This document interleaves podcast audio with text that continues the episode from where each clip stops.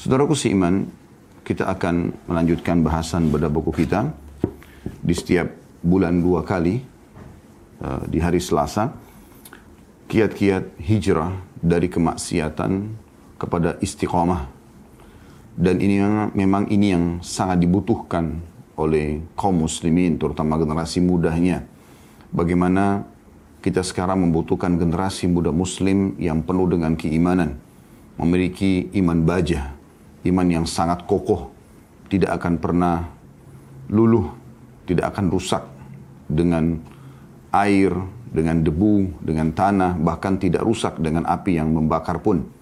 Karena mereka selalu penuh dengan keyakinan dalam hatinya kepada sang pencipta Allah Azza wa Jalla dengan yakin bahwasanya Allah pencipta langit dan bumi, dialah pemilik, dialah penguasa, dialah yang menghidupkan, mematikan, memberikan rezeki, bahkan dia yang menghukum.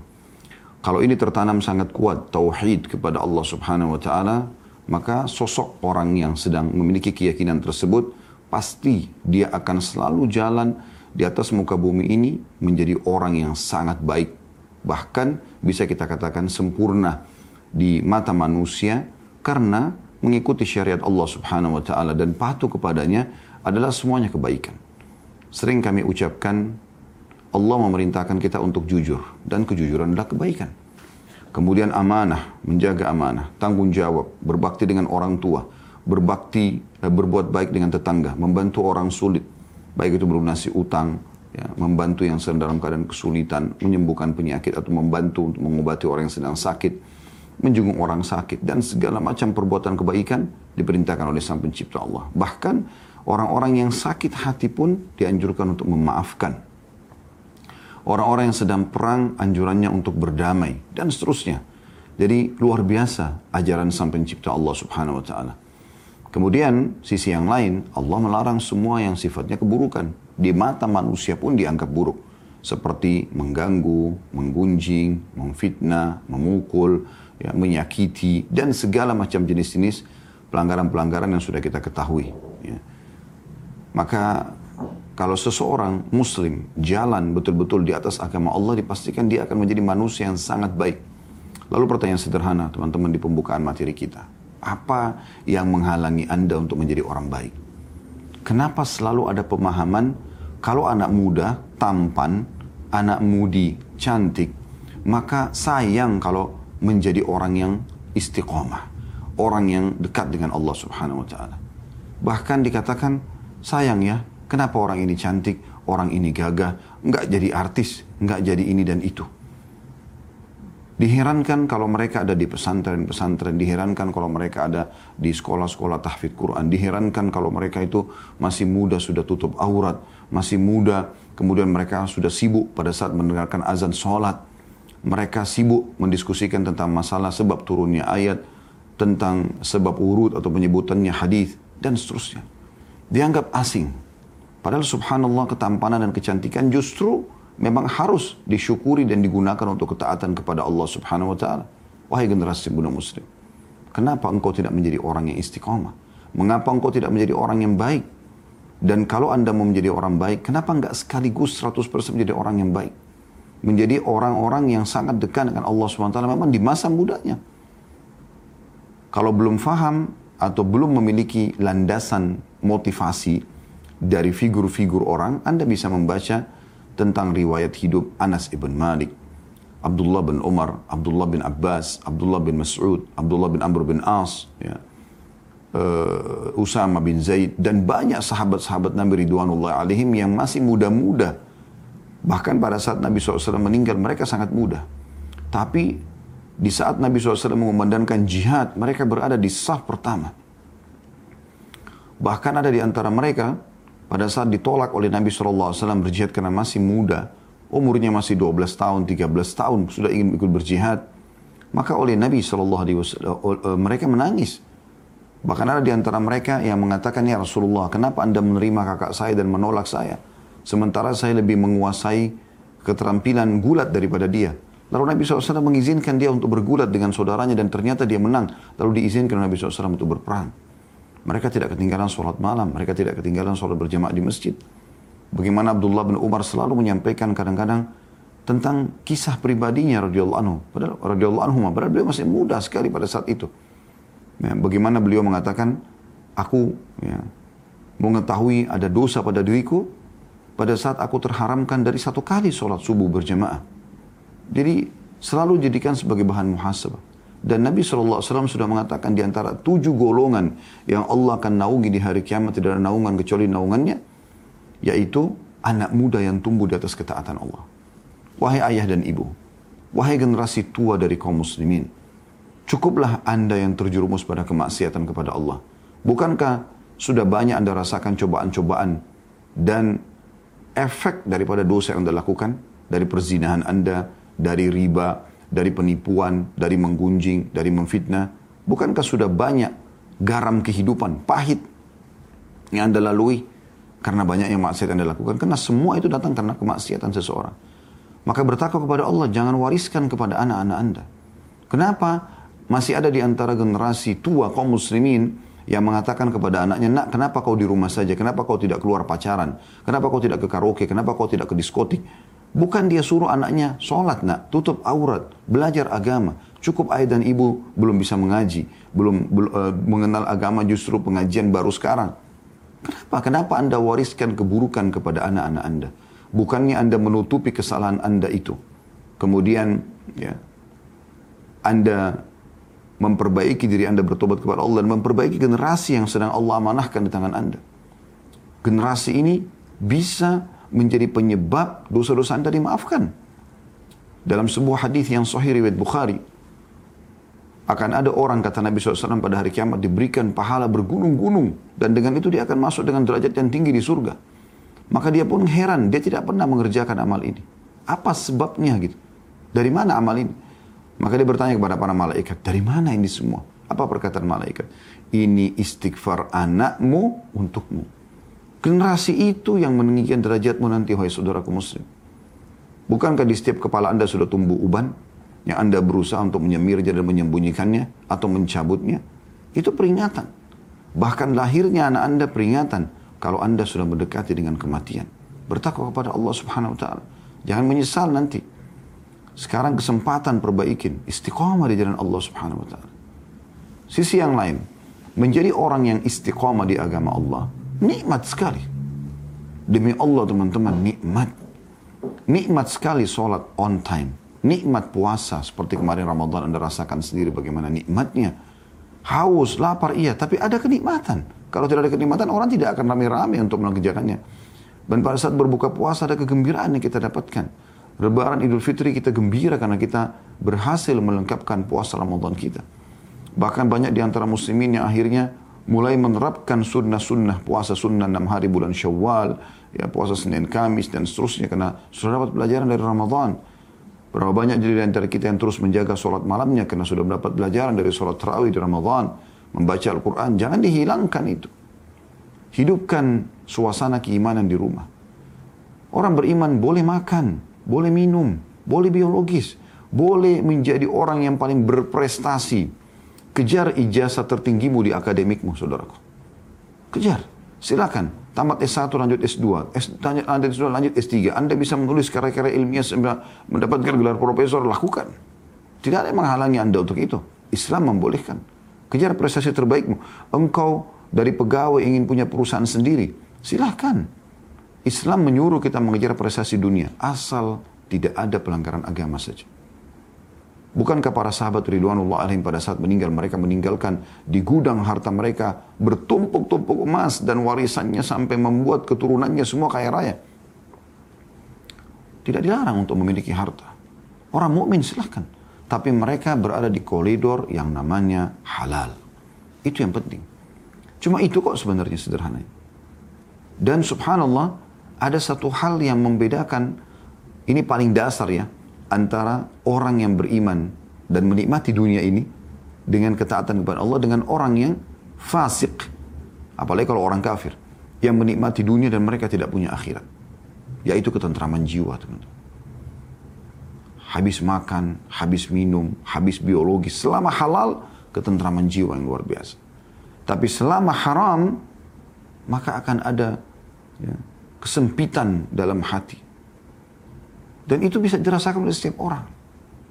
Munculnya penyesalan-penyesalan pada saat melakukan kesalahan ini. Maka saya mengajak diri saya, teman-teman sekalian, dan juga seluruh muslim yang mengikuti acara kita ini baik live ataupun siaran ulang. Mari kita istiqomah kepada Allah subhanahu wa ta'ala. Di jalan Allah. Menikmati ibadah tersebut. Abu Darda mengatakan, kalau bukan karena menahan haus dan lapar di siang hari pada saat puasa. Kemudian bermajlis dengan orang-orang yang saleh. Maka aku tidak berharap hidup di dunia ini walaupun cuma sesaat. Ayo generasi muda muslim, kembali kepada agama. Kemuliaan kita ada di agama kita. Agama ini agama yang benar, Islam adalah agama yang benar, berisikan seluruhnya kebaikan-kebaikan dan kebenaran. Dari sang pencipta Allah. Anda berhubungan langsung dengan sang pencipta Allah. Kalau Anda sedang nikmat yang memiliki kenikmatan tersebut yang menciptakannya adalah Allah. Kesehatan, harta, keturunan, dan segala macam hal dan yang menciptakan juga anda Allah dan yang bisa menambah dan mempertahankannya hanya Allah. Kalau anda sedang menghadapi sebuah masalah, musibah, cobaan, maka yang menciptakan musibah itu Allah, penciptanya. Dan yang menciptakan anda Allah yang bisa memberikan jalan keluar adalah Allah. Allah jadikan cobaan-cobaan tersebut sebagai ujian agar hamba tersebut kembali kepadanya. Jadi tidak ada alasan untuk tidak istiqomah. Tidak ada alasan. Istiqomah sebuah keindahan. Sesuatu yang sangat baik Kenapa tidak di, di, digeluti? Nikmat sekali menjadi orang mukmin. Dan saya sarankan teman-teman kembali mengingat lagi di YouTube insya Allah di playlist ada ceramah kami tentang indahnya menjadi orang beriman. Kalau tidak salah saya sebutkan ada 17 manfaat menjadi orang beriman. Diberikan rezeki, diberikan keturunan, diberikan segala macam hal kelapangan dari masalah-masalah dalam hidupnya. Di dunia dia bahagia, bisa nikmati di akhirat, dia lebih bahagia lagi. Lalu apa alasannya kita tidak istiqomah, menjadi orang yang baik? Dan orang-orang yang melakukan kemaksiatan, isi hidupnya pasti teman-teman kesumpekan, kesedihan, permasalahan yang tidak pernah selesai. Sebenarnya Allah subhanahu wa ta'ala memberikan itu pada mereka agar mereka kembali ke jalan Allah. Cuma banyak di antara mereka yang tidak faham. Sehingga mereka bukan kembali kepada Allah Azza wa Jalla. Mereka bukan kembali kepada Tuhannya. Tapi mereka makin terjerumus dengan kemaksiatan. Makin mabuk-mabukan, makin narkotika, akhirnya tabrakan, meninggal. Na'udzubillah su'ul khatimah. Dan Allah tidak akan pernah melihat masa lalumu, hai muslim. Allah melihat kamu sekarang. Allah tidak akan melihat masa lalumu. Siapa kamu di masa lalu, Allah tidak perlu menatap itu. Allah melihat kamu sekarang. Umar bin Khattab dulu pemabuk, penjahat, orang kafir, penyembah berhala. Tapi setelah masuk Islam, Allah muliakan dia. Dan Umar tidak lagi mengenang masa lalunya. Umar tahu saya sekarang orang beriman. Teruslah dia istiqomah di jalan Allah sampai Allah muliakan. Bukan hanya sekedar dia sendiri mendapatkan ketentraman jiwa. Tapi menjadi ulamanya kaum muslimin. Karena mulai belajar agama dan faham. Sampai Nabi SAW menggambarkan mimpi beliau. Umar memiliki pakaian yang panjang dengan ilmu yang luas yang dimiliki oleh Umar. Karena terus belajar radhiyallahu anhu. Kemudian sampai Allah jadikan raja yang akan dikenang sepanjang masa salah satu daripada, daripada khurafah Rashidin. Menjadi mertua Nabi SAW. Menjadi panutan bagi kaum muslimin sampai Umar bin Khattab kalau jalan ya, sering diikuti oleh banyak kaum muslimin. Hanya untuk melihat Kira-kira ada penyampaian apa, nasihat apa dari lisannya. Tidak keluar kecuali emas baik dari orang-orang beriman. Nasihat yang baik, meluruskan kesalahan, memotivasi pada kebaikan. Ambil pelajaran dari mereka.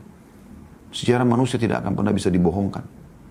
Siapa yang mengikuti generasi sebelumnya dari orang-orang yang baik dan berhasil, dia akan sama dengan mereka. Dan siapa yang mengikuti orang-orang yang gagal dari generasi yang lalu, Contoh banyak Fir'aun dan para orang-orang yang kafir kepada Allah. Kaum Samud. Ya, kaumnya Nabi Saleh. Satu kaum semuanya Allah binasakan yang kufur. Kaum Lut. Kaumnya Nabi Lut. Namrud. Kaumnya Nabi Ibrahim. Banyak pelajaran. Itu pelajaran besar Allah singgung dalam Al-Quran masalah itu. Pelajaran besar. Maka dia kalau ikutin generasi itu berfoya-foya, sibuk dengan urusan dunianya, maksiat kepada Allah, sama efeknya akan sama hasilnya. Maka ketentuan di tangan Anda teman-teman sekalian. Pada kesempatan ini kita akan bahas satu uh, bab atau subbab kita bahasakan sebenarnya itu babnya dalam buku ini yaitu apakah Anda berjanji kepada Allah untuk meninggalkan kemaksiatan? Teman-teman sekalian, pada saat kita melakukan kemaksiatan kepada Allah Subhanahu wa taala, tugas kita segera bertaubat. Taubat ini artinya berjanji tidak akan mengulanginya. Beristighfar artinya mengucapkan maaf kepada Allah. Kita beristighfar dan bertaubat kepada Allah Subhanahu wa taala lalu kemudian kita segera mengambil langkah menjauhi semua ya, Allah menggambarkan khutuwati syaitan langkah-langkah syaitan trip-trip syaitan usaha-usaha syaitan upaya-upaya syaitan untuk menjerumuskan kita kembali karena syaitan tidak mau kalau kita sudah melakukan kemaksiatan lalu kita meninggalkannya dia ingin kita bersama dengan dia di neraka wa naudzubillah semoga Allah selamatkan kita kita pengikut para nabi-nabi Ingat teman-teman sering kami bahasakan kalau masih itu sering mengikuti tema-tema sebelumnya. Ya, kalau di muka bumi ini cuma ada dua jalan, tidak ada jalan yang ketiga. Ketentuan ada di tangan Anda. Yang pertama jalan yang lurus, jalan yang pasti membawa kepada kebahagiaan, ketentraman, kemakmuran, keselamatan, solusi dari permasalahan, pintu-pintu rezeki seluruhnya ada di sini. Yaitu jalan Allah Azza wa Allah sang pencipta yang kita yakini sebagai pencipta. La ilaha illallah. Tidak Tuhan yang berhak disembah kecuali Allah. Juru bicaranya Allah adalah para nabi-nabi dan rasul. Penyambung lidah para nabi dan rasul adalah para ulama dan dai. Anda kalau bergaul dengan para ulama dan dai, Anda ikut di majelis ilmu, Anda ikuti nasihat-nasihat dan petuah-petuah mereka, maka Anda seperti mengikuti para nabi-nabi dan rasul dan akan membawa Anda ke jalan Allah, ujung-ujungnya surga. Ini jalan keselamatan. Tidak ada jalan yang kedua untuk selamat untuk bahagia, untuk tentram, untuk makmur kecuali ini. Yang kedua jalan iblis. Ya. Syaitan. Juru bicaranya dukun, peramal, penyamun, penyihir, ahli maksiat. Ini jalan yang kedua. Tidak ada jalan yang ketiga ya. Ini juru bicaranya. Siapa pun yang mendatangi juru-juru bicara iblis itu, ahli maksiat, ya, dukun, peramal, penyamun yang memang dalam Islam dilarang untuk bergaul sama mereka. Dilarang mendatangi para dukun, peramal, penyihir, penyamun ini. Bahkan tidak diterima sholatnya kalau dia datang ke sana 40 hari. Baru bertanya, kalau mempercayai bisa kufur. Ahli maksiat pada saat mereka cerita tentang perbuatan kemaksiatannya, dilarang duduk bersama mereka. Dilarang. Karena kalau adab Allah datang akan kena kita juga walaupun kita tidak melakukannya. Kalau datang pada dia, bisa kena juga kita. Maka harus menghindar. Allah menyuruh Nabi Muhammad SAW, kalau ada majlis membicarakan dan sesuatu yang mengundang murka Allah, disuruh pindah. Ya.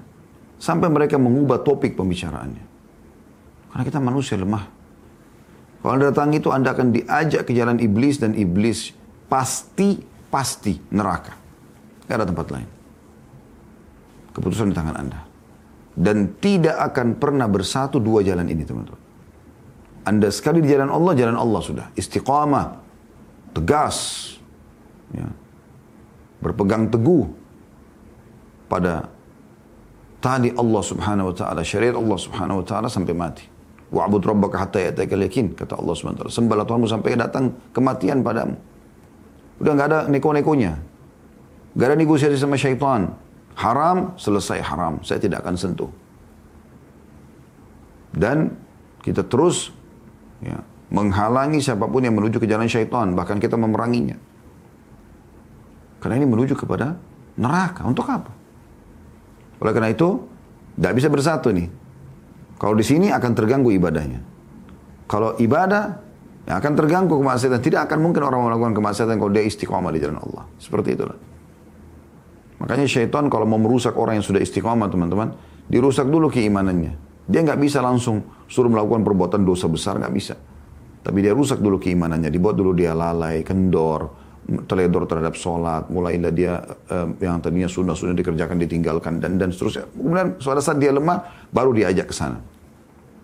Karena tidak mungkin orang yang tegas, yang luas gitu kan, dalam uh, menerapkan syariat Allah subhanahu wa ta'ala ini, itu tidak mungkin bisa diganggu oleh syaitan dan mereka akan selalu dalam penjagaan Allah Subhanahu wa taala. Itu kebahagiaan yang luar biasa. Dunia bahagia di akhirat bahagia. Apalagi yang Anda inginkan? Tidak bisa bersatu, jangan satukan ini. Kalau Anda satukan, maka akan kacau kehidupan Anda. Udah tinggalkan udah. Saatnya hijrah menjadi orang yang baik. Nah, Kalau anda sedang terjerumus, syaitan satu waktu menjerumuskan anda, wa na'udzubillah, ke jalannya, maka segera kembali. Dan kembali ini benar-benar dengan taubat nasuha ke jalan Allah subhanahu wa ta'ala. Taubat nasuha. Cuman anda yang bisa selamatkan diri anda. Hai muslim, hanya kamu yang bisa selamatkan dirimu. Para da'i, para ulama hanya bisa menyampaikan seperti kami sampaikan sekarang. Tinggalkanlah, lakukanlah, tinggalkanlah maksiat, lakukanlah ketaatan. Tapi keputusan di tangan anda. Kalau anda tidak segera hijrah, mengubah diri anda sendiri berarti anda mencelakakan diri anda. Tapi kalau anda berubah, beruntunglah anda. Berubah menjadi orang yang lebih baik. Tidak ada kata terlambat. Allah subhanahu wa ta'ala akan terus memberikan peluang bagi orang yang mau kembali ke jalannya. Selama anda belum meninggal dunia, maka anda punya peluang yang luar biasa. Kesempatan emas. Teman-teman sekalian, kalau ada orang yang melakukan kemaksiatan, dia selain meninggalkan dosa itu, kemudian dia menuju ke jalan Allah Subhanahu wa taala. Imam Nawawi menyebutkan ada tiga syarat taubat nasuha. Ini sudah pernah kita singgung di bab-bab sebelumnya. Meninggalkan dosa itu seketika. Lagi buat dosa apa pun tinggalkan. Yang kedua, menyesali.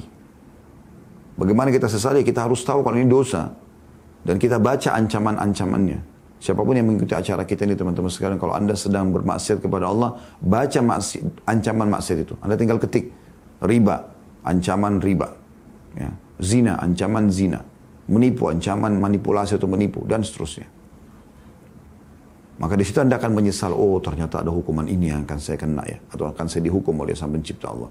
Dan siapa yang menghalangi Anda kalau sudah Allah yang akan menghukum Anda? Tidak akan mungkin ada. Yang ketiga, berjanji bertekad tidak akan mengulanginya. Nah, di poin yang ketiga, masalah berjanji ini teman-teman sekalian, ini yang dibahas oleh penulis sekarang. Apakah Anda berjanji kepada Allah untuk meninggalkan kemaksiatan? Nah ini perlu rincian teman-teman sekalian. Janji yang kita sampaikan ini, itu hanya antara kita sama Allah subhanahu wa ta'ala. Tidak usah dipublikasikan, tidak usah dipublis. Tidak usah dipublikan. Antara kita sama Allah subhanahu wa ta'ala. Terus saya bilang, saya sudah tobat, saya sudah janji sama Allah. Itu Anda bicara sama manusia. Bicara sama Allah subhanahu wa ta'ala. Wudhu, sujud, dengan ikhlas, ikrarkan antara Anda sama Tuhan Anda Allah, Ya Allah, mudahkanlah hambamu ini untuk meninggalkan kemaksiatan.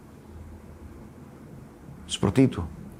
Dan jangan pernah teman-teman mendahulukan diri kita mengatakan, saya berjanji, bertekad ya Allah, saya tidak akan pernah lagi melakukan kemaksiatan. Hati-hati dengan ini. Karena kapan Anda melanggar, ini berat.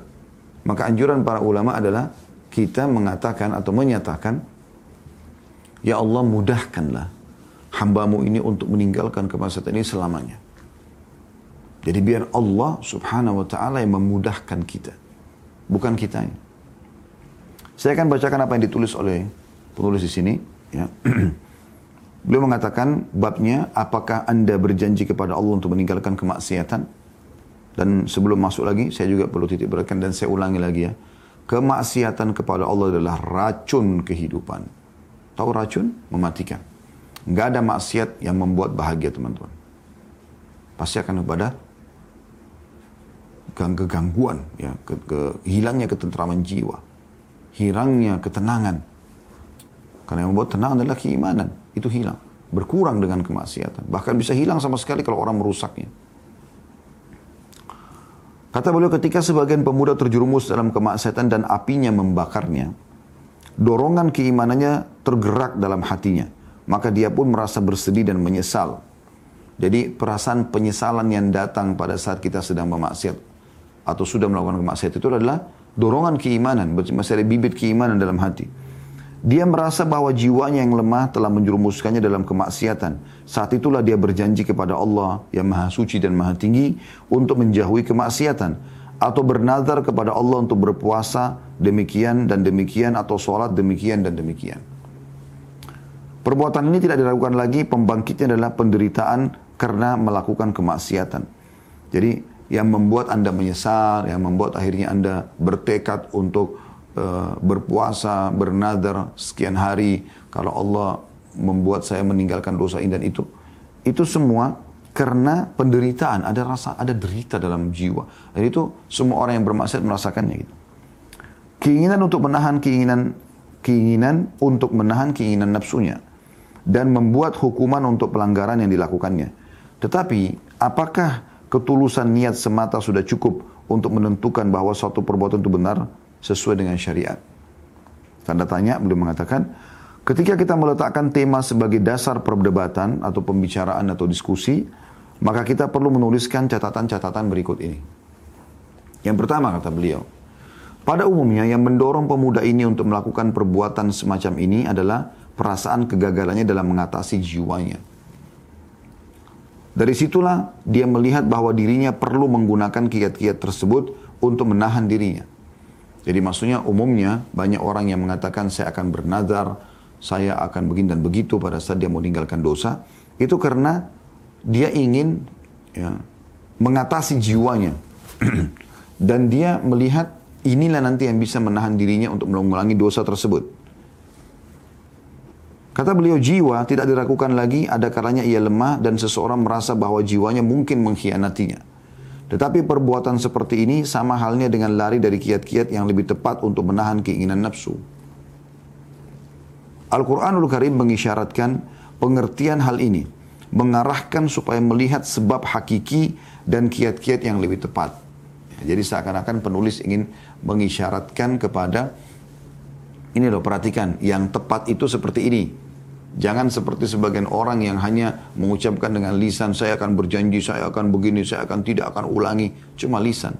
Perhatikan apa yang Allah sampaikan dalam Al-Quran.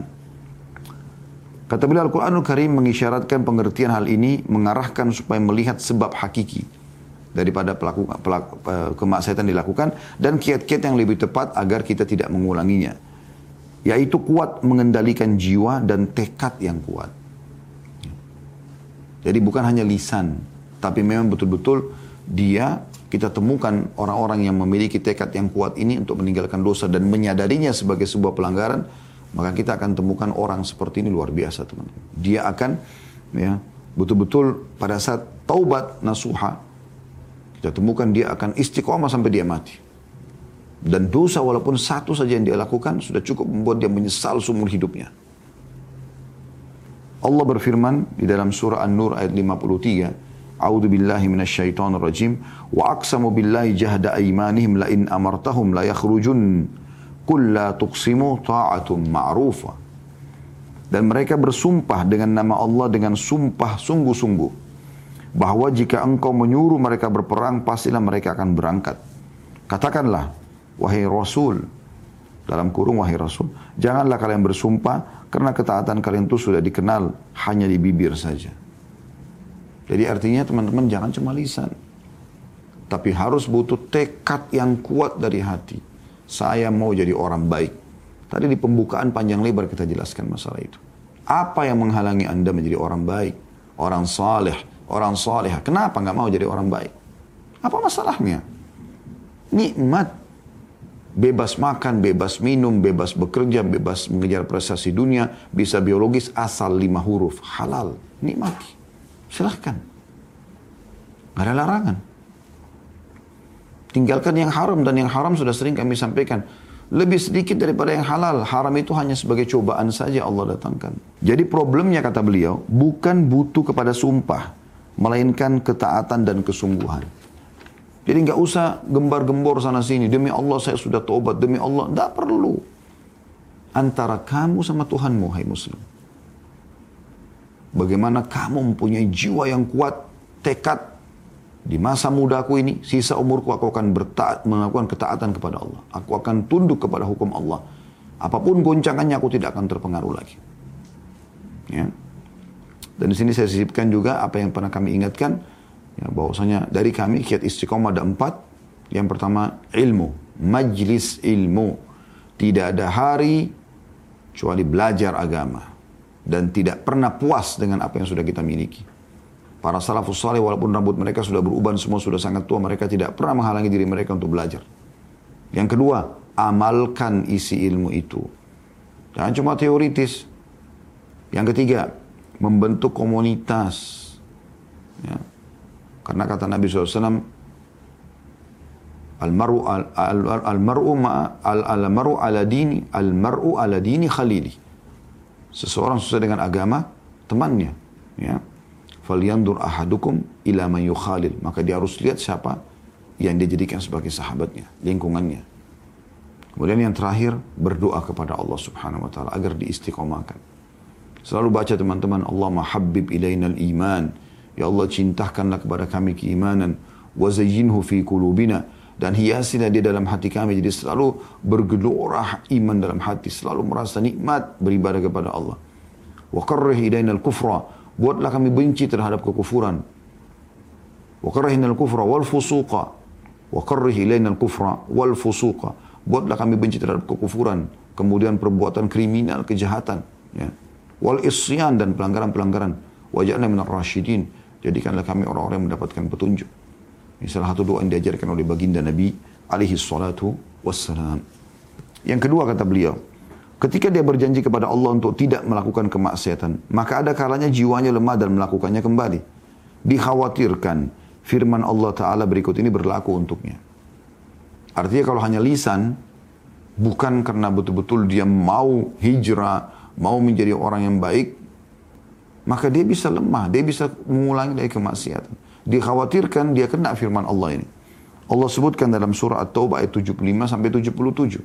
A'udzu billahi minasyaitonir rajim. Wa minhum man ahada Allah la in atana min fadli lanasaddaqanna wa lanakunanna minas salihin. فلما آتاهم من فضله بخلوا به وتولوا وهم معرضون فعاقبهم نفاقا في قلوبهم إلى يوم يلقونه فأعقبهم نفاقا في قلوبهم إلى يوم يلقونه بما أخلفوا الله ما وعدوه وبما كانوا يكذبون dan di antara mereka ada orang-orang yang berjanji kepada Allah jika Allah benar-benar memberikan sebagian dari karunia-Nya kepada kami pasti kami akan bersedekah dan pastilah kami termasuk orang-orang yang saleh Allah sebutkan ini ada orang-orang yang kadang-kadang begitu melihat harta yang banyak melimpah dimiliki orang lain dia berharap dia juga punya dan dia mengatakan, dia mengatakan dengan lisannya, kalau Allah berikan saya nanti harta seperti itu, saya akan buat.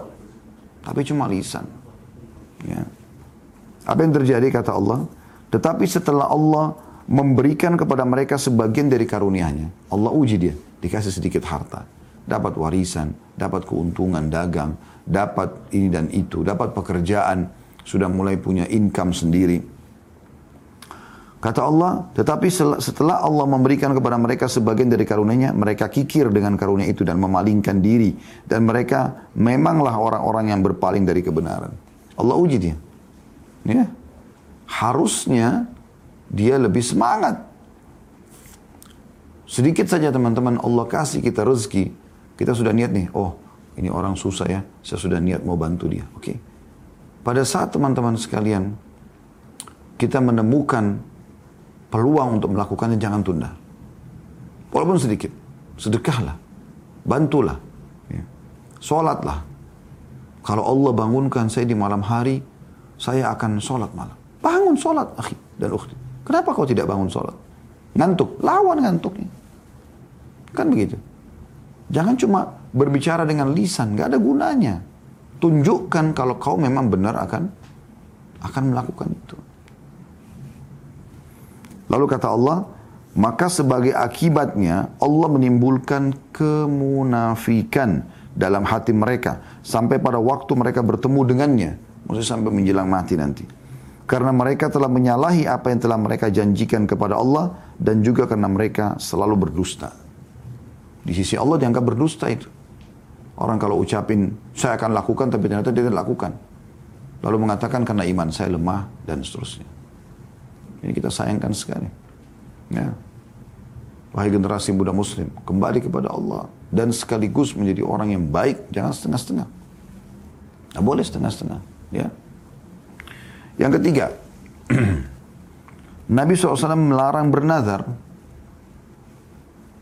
dan beliau mengatakan bahwa la yaruddu syai'a innama yustakhraju bihi minal bakhil ini peringatan luar biasa dari baginda Nabi SAW ini. Kata beliau, nazar itu, jadi artinya kalau saya sembuh, saya akan sedekah, kalau saya lulus, saya akan bersedekah, saya akan puasa, nazar seperti itu. Kata beliau, ia tidak dapat menolak sesuatu pun. Jadi nggak ada urusannya. Nanti kalau Allah kasih harta saya, saya akan mengeluarkan begini dan begitu. Nggak ada gunanya itu bernadar seperti itu teman-teman sekalian. Kata Nabi SAW, karena hanyalah sarana, hanyalah sarana yang dengannya amal soleh tanda kutip di sini dikeluarkan dari orang yang bakhil. Hadis ini riwayat Bukhari nomor 6693 dan Muslim 1639. Secara umum hukum nazar makruh. Ya. Jadi lebih baik kita memang sembuh dari penyakit berdoa kepada Allah. Lalu setelah itu kita sebagai tanda syukur bersedekah. Tapi jangan diikuti dengan nazar. Karena kalau diikuti dengan nazar, nanti jadi utang kepada Allah SWT. Dan seakan-akan kalau Allah tidak sembuhkan penyakit, tidak akan sedekah. Kalau Allah tidak sembuhkan penyakit, tidak luluskan kuliahnya, atau tidak luluskan kerja, dia tidak akan ya bersedekah atau berpuasa. Maka ini bakhil kata Nabi SAW. Walaupun secara umum boleh saja orang bernazar, bukan tidak boleh. Tapi ini bukan sebuah hal yang dianjurkan. Justru dimakruhkan teman-teman sekalian. Tapi kalau kita sudah nazar, kita jalankan. Selama nazar itu karena Allah subhanahu wa ta'ala. Kata beliau ketika seseorang bernazar kemudian dia gagal dan jatuh dalam kemaksiatan maka berarti dia telah mengharuskan dirinya untuk melakukan sesuatu yang tidak diharuskan oleh syariat. Dan sering kali kita melihat seseorang meminta dan dia terus bernadar atau berjanji kepada Allah untuk melakukan satu perbuatan, tapi dia tidak dapat mengerjakannya dan dia mencari jalan keluarnya. Karena ini, karena itu sebabnya dia menghindari cara tersebut sejak awal. Jadi nggak usah diikuti dengan nazar. Artinya e, sebagai bentuk ya tobat saya, saya bernazar akan e, berpuasa selama sebulan penuh. Saya akan bersedekah setengah harta saya. Tidak perlu. Udah tidak usah bernazar keluarkan aja, sedekahin aja, seikhlasnya. Gitu kan? Itu lebih baik. Lakukan ketaatan yang sudah diperintahkan, puasa wajib, puasa sunnah. Udah, selesai. Itu lebih baik tentunya. Kemudian yang terakhir, yang keempat kata beliau.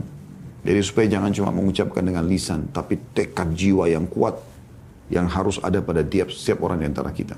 Jadi satu jam lebih ini kita satu jam ini teman-teman kita bicara tentang masalah bagaimana jiwa ini punya tekad yang kuat untuk istiqomah di jalan Allah Subhanahu wa taala. Bukan hanya sekedar ucapan lisan. Kalau kita temukan ada orang terlalu banyak ngomong sana sini, saya sudah istiqomah, alhamdulillah, saya sudah begini, saya sudah taubat. Ini orang tanda tanya. Untuk apa dia ucapin depan manusia? Untuk apa? Kalau dia ikhlas, dia tidak akan ucapkan. Dan dia tidak butuh dengan penilaian orang. Dia tidak butuh ya orang lain memujinya. Tidak perlu. Antara dia sama Allah subhanahu wa ta'ala. Yang keempat kata beliau, seandainya pemuda ini berpikir panjang dalam dirinya, niscaya dia mengetahui bahwa tidak ada bedanya antara orang-orang yang berjanji kepada Allah dengan orang-orang yang tidak melakukan demikian.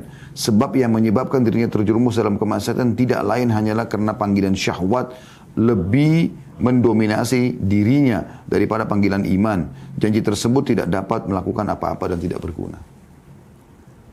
Ya. Jadi artinya dia action, dia lakukan saja. Dia berusaha untuk menjalankan kiat-kiat istiqamah. Banyak berjanji ini juga ada diikuti dengan beberapa atau banyak konsekuensi. Dan ini berbahaya. Teman-teman sekalian, ini berbahaya bagi dia. Sebagaimana sudah disebutkan oleh penulis tadi. Allahu a'lam.